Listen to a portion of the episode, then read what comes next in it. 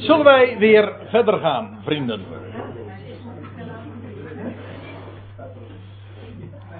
Want ik wil de bespreking van de tabernakel, zoals dat hier in Hebreeën 9 tot en met vers 5 gegeven wordt, wilde ik nog even completeren voordat we verder gaan. En dat wilde ik eigenlijk ook uh, voor deze avond reserveren. Want dat is een, eh, een onderwerp op zich. En ik vind Hebreeën 9 leent zich, juist deze hele beschrijving, uh, heel erg goed ervoor. Om eens eventjes een totaal beeld te krijgen van de, tempel, van de tabernakel pardon, aan zich. De tabernakel zelf is dus de tent. Het woord tabernakel betekent trouwens ook gewoon tent. Het is het Griekse woord voor tent.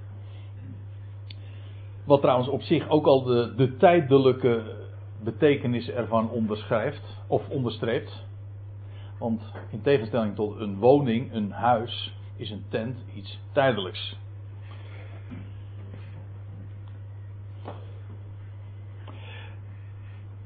We hadden het dus over het heiligdom. Het, de, eh, het eerste deel, dat wil zeggen de eerste tent, de voorste tent, het heilige heet dat. En dan staat er, en achter het tweede voorhangsel, want hier had je een, een voorhangsel, maar vervolgens had je hier ook weer een voorhangsel, dat ook weer trouwens op een bepaalde manier geformeerd was met mooie kleuren, die u hier ook voor u ziet. Ja, ja, dus uh, design. Ja, het waren de kleuren van de tabernakel. In de pauze hadden we het er al even over, want ik, toen werd mijn uh, trui al even kritisch onder de loep genomen. Welk voorhangsel Ja, dat is een, uh, dat is een uh, andere vraag. Ik, ik refereerde al eerder aan, aan een studie die we bij een andere gelegenheid hier ooit op deze locatie hebben gehouden over de, over de, de plaats van Golgotha en de graftuin. En als dat inderdaad op de Olijfberg is geweest, dan was het de, deze, of in ieder geval het gordijn voor de, het heilige, dat scheurde. En dat ook gezien werd.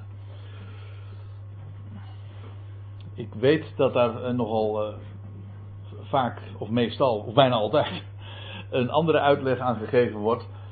Maar goed, eh, dat is nu even niet het onderwerp. Het gaat trouwens sowieso nu niet over de, het gordijn of de, het voorhangsel voor de tabernakel, maar, voor de tempel, maar over het voorhangsel van de tabernakel. Hier wordt gesproken over het tweede voorhangsel. Dat was ook een tent genaamd het heilige der heiligen. Of het allerheiligste. Dat is een typisch Hebraïsme. De eeuwen der eeuwen, de koning der koningen, het lied der liederen. Dit was het heilige van de heilige dingen. En wat bevond zich daarin, of hebbende, staat er dan een gouden reukofferaltaar. Nou, dat is een uh, wat merkwaardige gang van zaken. Ik weet het allemaal nog uh, erg goed. Ik ben er eens een keertje heel uitgebreid in gedoken. Want er had in het Nederlands Dagblad, dat was in 2011, uh, eh, een keer een artikel gestaan. Van een Adriaan Verbree. En dat is een predikant van de Vrijgemaakt Gereformeerde Kerk. En die had gezegd dat de, de Bijbel ook zo zijn fouten bevat. Want daar staat in Hebreeën 9, vers 4 dat het gouden reukofferaltaar zich in het heilige der heiligen bevond. Dat is natuurlijk een fout, want dat is in het, heilige, in het heilige. En niet in het heilige der heiligen.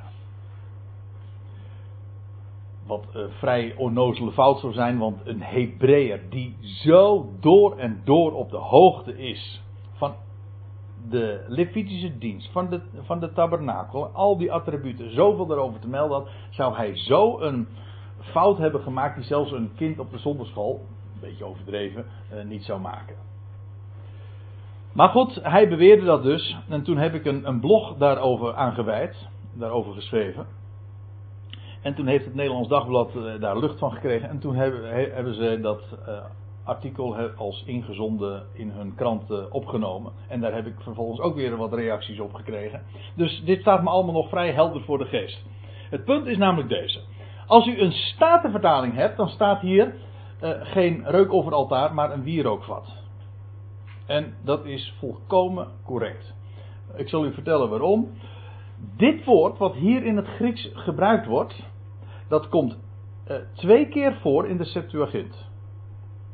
Dat wil zeggen in de Griekse vertaling van het Oude Testament, waar de schrijver ook voortdurend in deze brief aan refereert. En dat is op deze twee verschillende plaatsen. En dat is een, wierookvat. En wat is dat wierookvat? Wel, dat is een vat dat dan gebruikt. Dat stond in het heilige der heiligen. En dat dienst deed één keer per jaar, namelijk als de hoge priester, dat, dat uh, heilige der heiligen betrad. Dat, dat, was geen reukofferaltaar, want inderdaad, ik heb, ja, kijk, dat reukofferaltaar dat stond hier. In, in het heilige. Dat, dat is waar. Dus als hier staat met een gouden reukofferaltaar, dan zou dat niet kloppen. Maar daar gaat het ook niet over. Het gaat niet over een reukofferaltaar. Het gaat over een wierrookvat. En dat was een, niet een, een compleet attribuut. Een onderdeel van het heiligdom. Dat was een, een accessoire dat gebruikt werd, dat dienst deed. Bij bepaalde gelegenheden. Of ik zeg, ik moet eigenlijk zeggen bij één gelegenheid. Namelijk één keer per jaar. En ik zal u daar, uh, ik, kan, ik zal u dat ook laten zien. In Leviticus 16, vers 12 lees je dit. En hij, en dan gaat het over Aaron. Het gaat trouwens in Leviticus 16, dat hele hoofdstuk gaat over Yom Kippur, grote verzoendag, de tiende van de zevende maand, wat dan gebeurde. Dat was de enige gelegenheid in het hele jaar dat de hoge priest, dat überhaupt iemand dat heilige der heiligen mocht betreden. Dat was het allerheiligste moment van het hele jaar voor het volk Israël. En dan staat er, hij, Aaron, zal ook een wierookvat vol vurige kolen nemen. Ik lees nu voor uit de Statenvertaling. Uh, een wierookvat vol vurige kolen nemen van het altaar, van voor het aangezicht des Heren en zijn handen vol reukwerk van welriekende specerijen klein gestoten en hij zal het binnen de voorhang dragen. Dat wil zeggen, zoals je dat hier ook dus op dat plaatje ziet. Hij kwam daar niet alleen met bloed van het zondoffer. Hij sprengde bloed daar op het verzoendeksel. Maar hij kwam dus ook met reukwerk.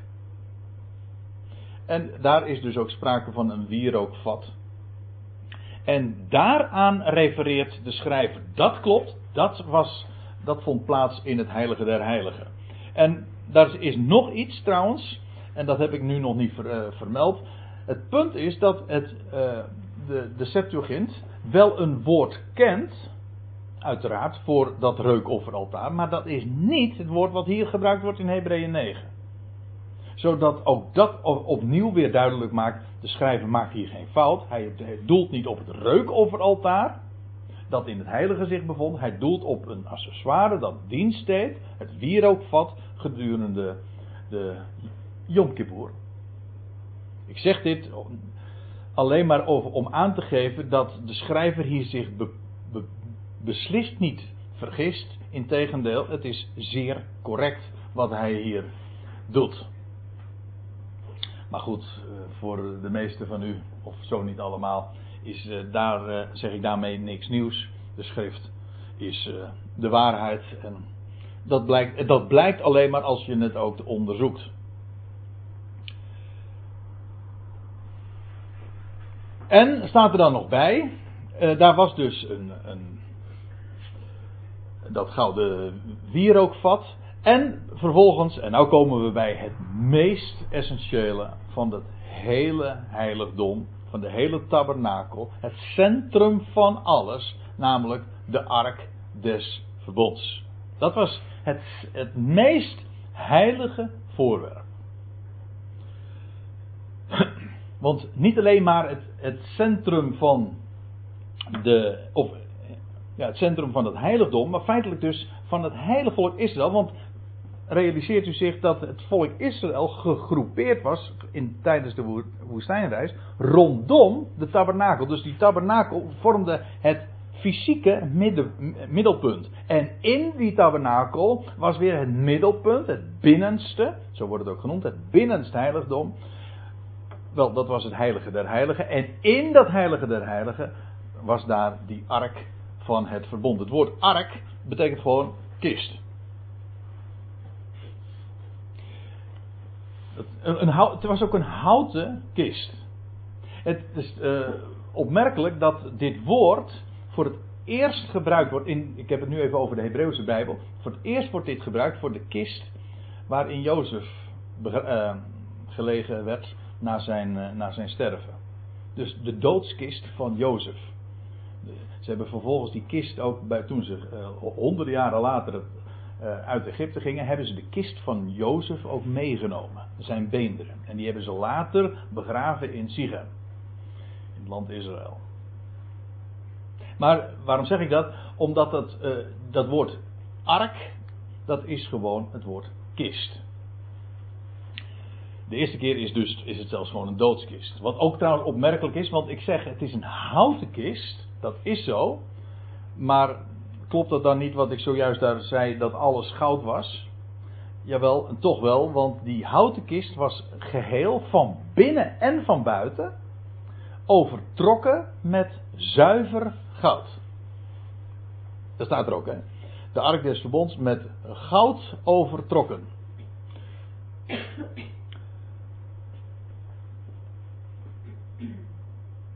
Er staat trouwens ook nog bij dat het een, een gouden, uh, gouden krans, een gouden, uh, gouden kroon heeft. En er staat vandaag lees je ook over een gouden krans.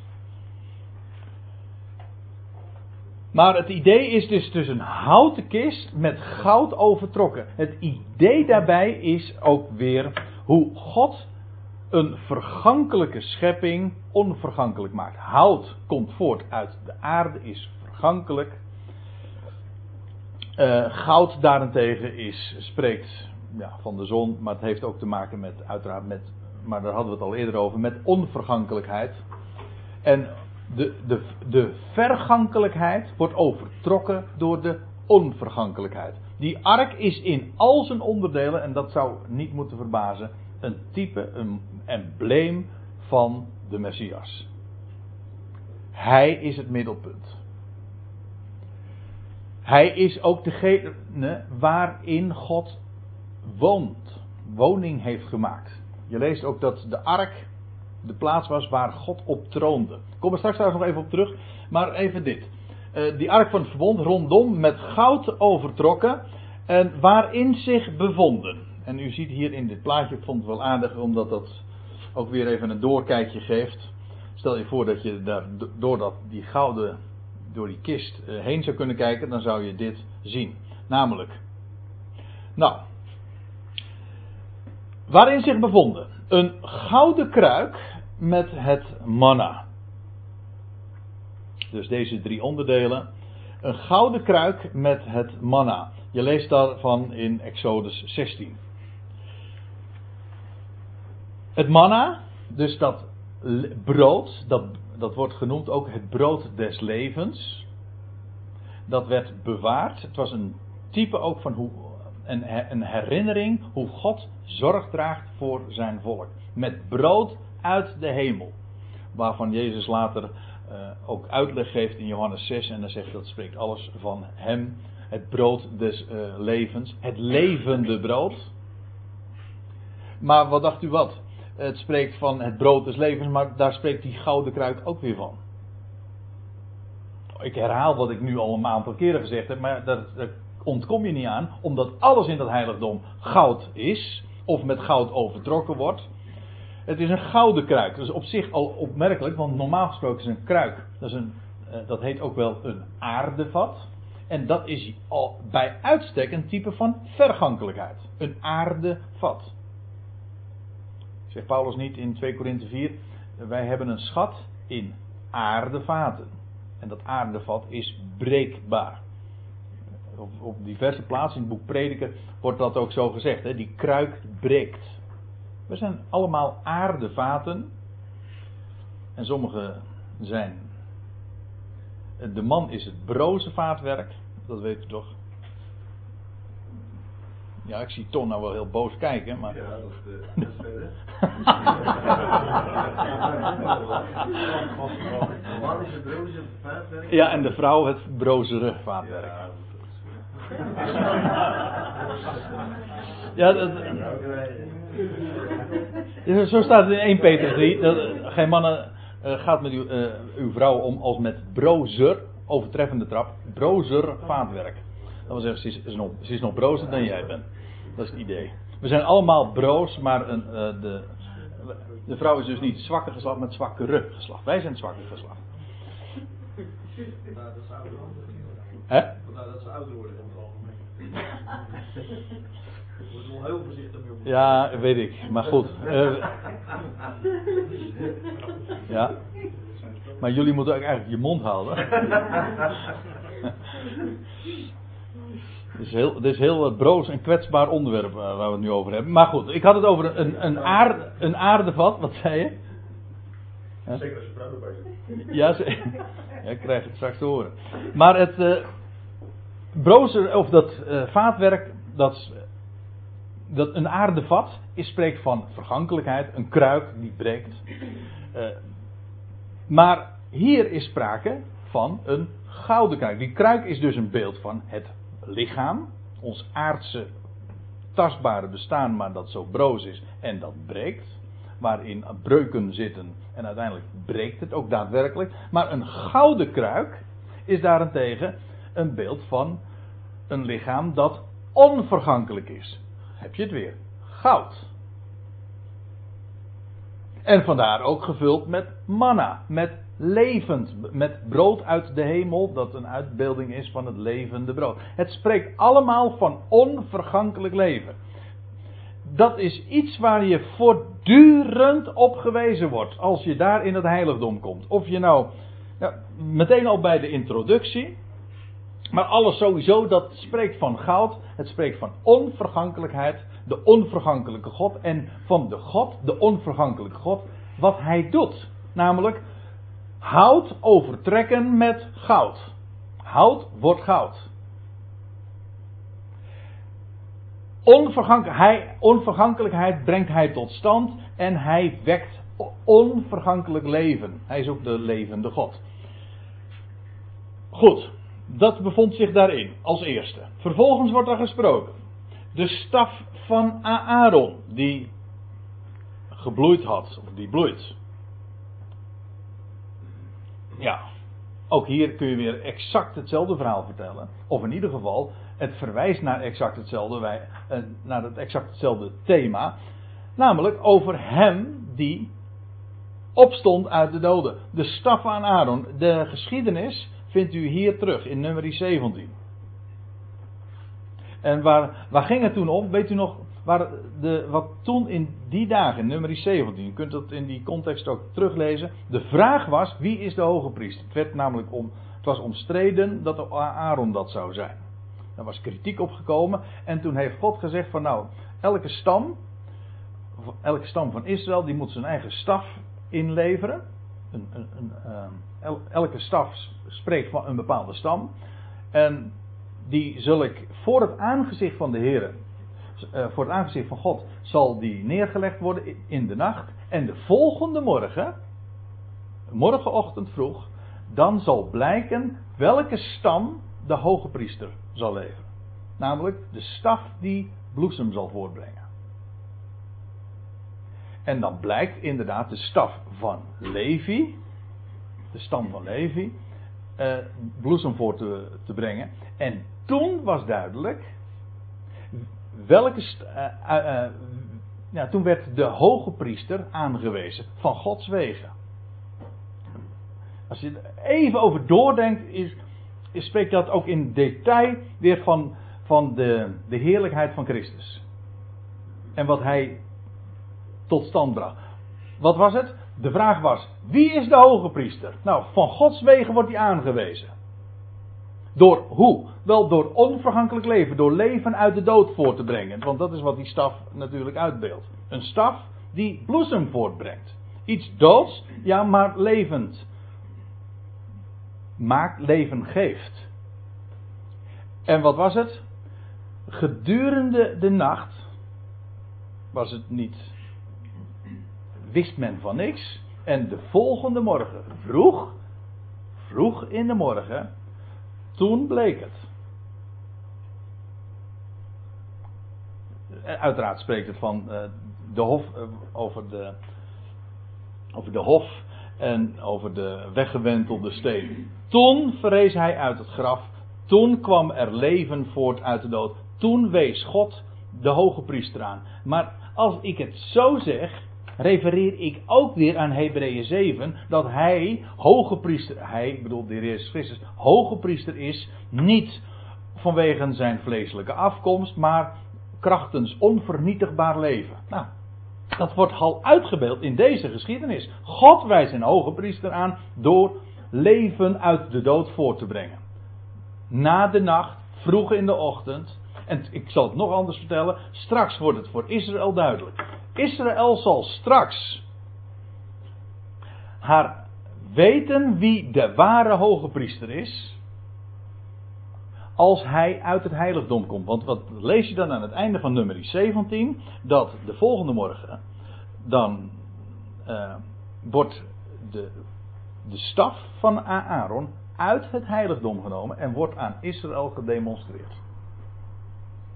Ja, ik moet, een, ik moet dan helemaal denken aan het feit dat de hoge priester nu in het hemels heiligdom is. En straks komt hij uit het heiligdom. Na de nacht van deze wereld. En dan zal er een nieuwe dag aanbreken. En dan zal God openlijk het bewijs leveren wie de hoge priester is. Namelijk door die staf te tonen die bloeit. Dat was Gods werk, dat was onmiskenbaar. Dit is een regelrecht godswonder. Leven uit de dood. Dat is waar het van spreekt. Dat kan niet missen. Wist u trouwens dat dezezelfde staf al eerder had dienst gedaan in de geschiedenis? Ja, toen werd een staf een slang. Maar ook later trouwens nog weer, dan lees je dat Mozes, maar het was de staf van Aaron, dat hij sloeg of eh, ja, hij sloeg op die zee, maar in ieder geval bij, dat hij dat de, de Rode Zee spleet. En zo werd er een weg door de doodswateren uh, gecreëerd ter plekke. En zo ging Israël veilig door de dood heen en kwamen ze aan de andere kant. Ook weer uiteraard een beeld van de dood waar een weg doorheen gebaand wordt. En ook dus weer een, een verwijzing naar nieuw leven zodat die staf van Aaron in alle opzichten verwijst naar, naar nieuw leven. Zoals een staf dat trouwens altijd doet. Het spreekt altijd van opstanding. En die staf. Ik uh, moet er altijd aan denken als ik, uh, als ik die woorden hoor van Psalm 23. Ik heb het afgelopen zondag trouwens ook nog naar verwezen. Dat lees je. Al ga ik door een dal van schaduwen des doods. Dan is het uw stok en uw staf die mij vertroosten. Goed, de staf van Aaron die gebloeid had, dat was ook in het heiligdom. Of nee, nog meer speciaal, in die ark. En dan nog vervolgens de tafelen des verbonds. Eh, ook wel genoemd het getuigenis. En dan moet ik er nog eh, iets bij zeggen. Dat was namelijk het tweede stel. Dat, dat eerste, de eerste set stenen tafelen, die daar ging het niet goed mee. Toen Mozes van de berg afdaalde en het volk eh, on, rond de gouden, nee, rond die, uh, ja, rond het gouden kalf aan het dansen was, toen werden de stenen verpletterd. De, de wet werd gebroken. Heel symbolisch. Ja, en dan lees je later dat God zegt tegen, uh, tegen Mozes: maak u een nogmaals stenen tafelen, hou die uit de rots. Hou ze uit de rots, ja. En dan staat er. Uh, breng ze tot mij. En de Heer heeft ze beschreven van, binnen, eh, van, uh, van beide zijden. Een tweede stel. En dan moest hij ze opbergen in de ark. Daar waar ze veilig waren. Dan werden ze, zodra de wet, die stenen tafelen, op het vlees gelegd werd. Dat is wat het oude verbond uitbeeldt. Dan gaat het niet goed, dan gaan ze aan diggelen. Maar de tweede keer, spreekt van nieuwe verbond, dan worden ze veilig bewaard, omdat ze dan die wet in het hart, in het binnenste gelegd wordt. En of je dat nou betrekt eh, op, op Israël, dat straks, waar, waar straks de wet in hun binnenste geschreven wordt. Maar ik denk in de eerste plaats aan de Messias, die ook zegt: Uw wet is in mijn binnenste.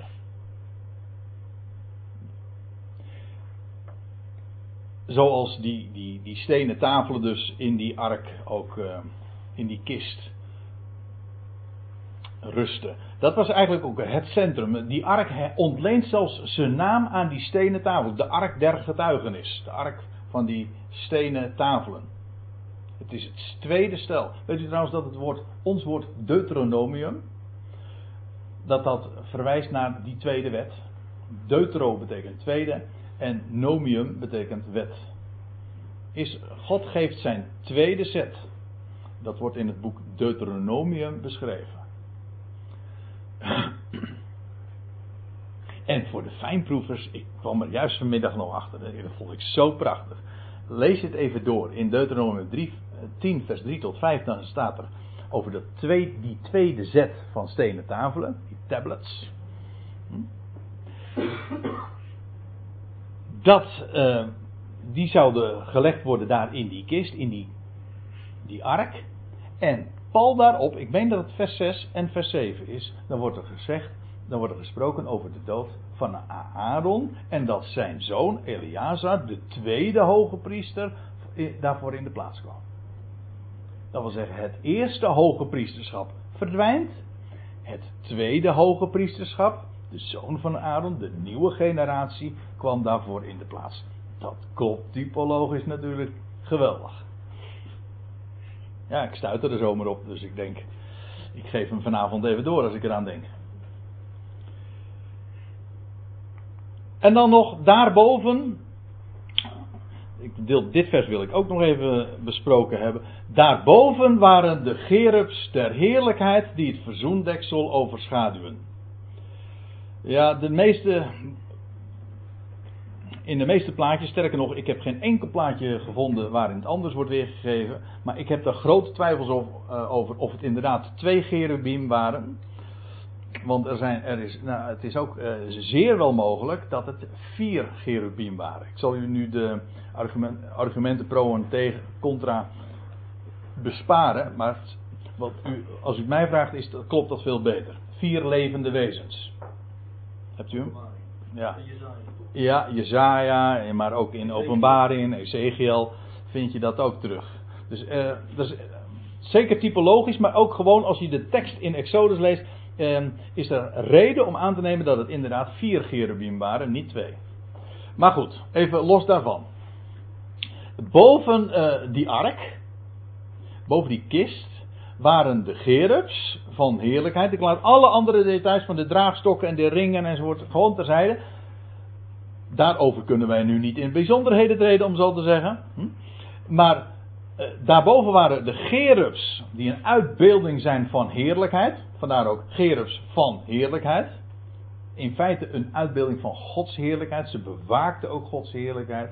Dat gebeurde er ook bij toen de mens uit de hof gezonden werd. Toen waren daar gerubs, gerubim, die inderdaad de hof bewaakten en bewaarden. En zij overschaduwde het, het, het verzoendeksel. En die, dat verzoendeksel, dat is het centrum. Of in ieder geval, daar waren de blikken op gericht. Kijk maar. Hier in Exodus 25, in dit gedeelte vind je die ark beschreven.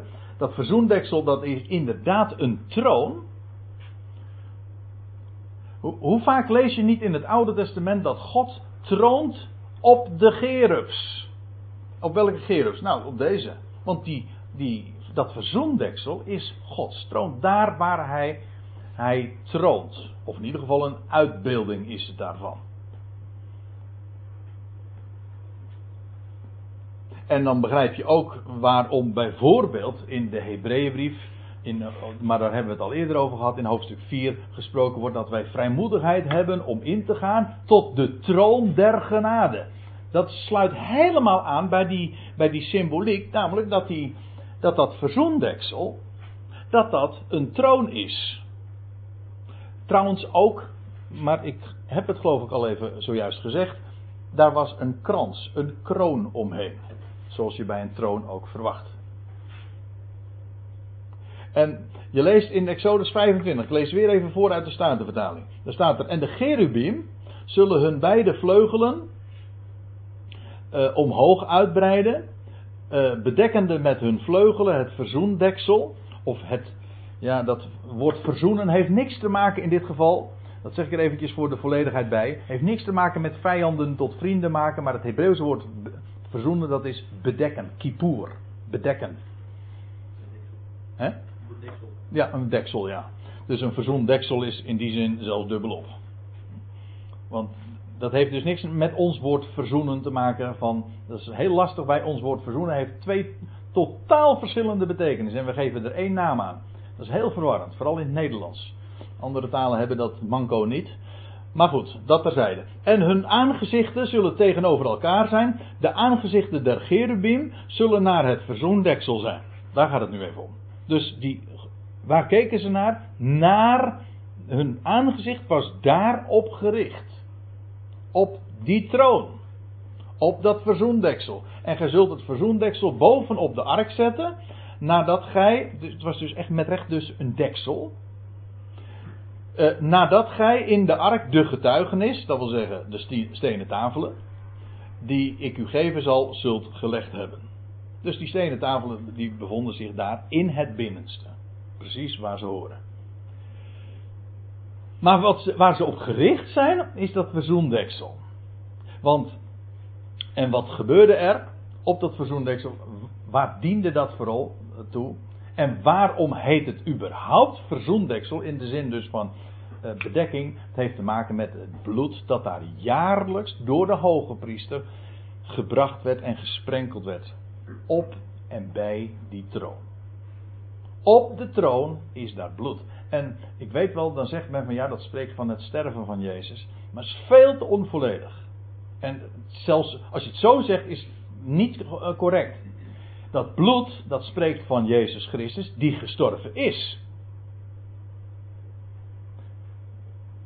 En die vervolgens ingegaan is in het heiligdom en die nu rust op de troon. Dat bloed, dat spreekt maar niet van alleen maar van het feit dat hij, uh, een, uh, dat hij gestorven is. Het spreekt van hem, die, van hem, een persoon die gestorven is, maar meer is, die is opgestaan uit de dood. Het spreekt dus wel van een slachtoffer, maar het slachtoffer dat leeft. Hij die geslacht is, maar die vervolgens een offer werd, opstond uit de doden, die in het hemels heiligdom ging. Ik geef, toe, ik gebruik nu verschillende beelden door elkaar. Maar het idee is heel simpel. Het bloed, hij, het slachtoffer, is ingegaan in het heiligdom. En hij rust nu hij, daar op die troon. En daar zijn die gerubs op gericht. Met hun aangezicht.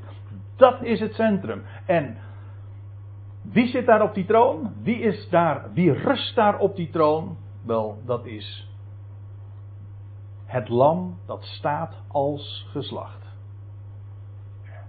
In het midden. In het, ik, wat zag ik midden in de, in de hemel? In, midden op de troon, openbaring 4 en 5. Het lam, staande als geslacht. Ja, nou ja. Hm. Dat vind ik wel een aardige om af te sluiten voor vanavond. Uh, hierover kunnen we nu niet in bijzonderheden treden. Ik heb het alleen maar aangestipt.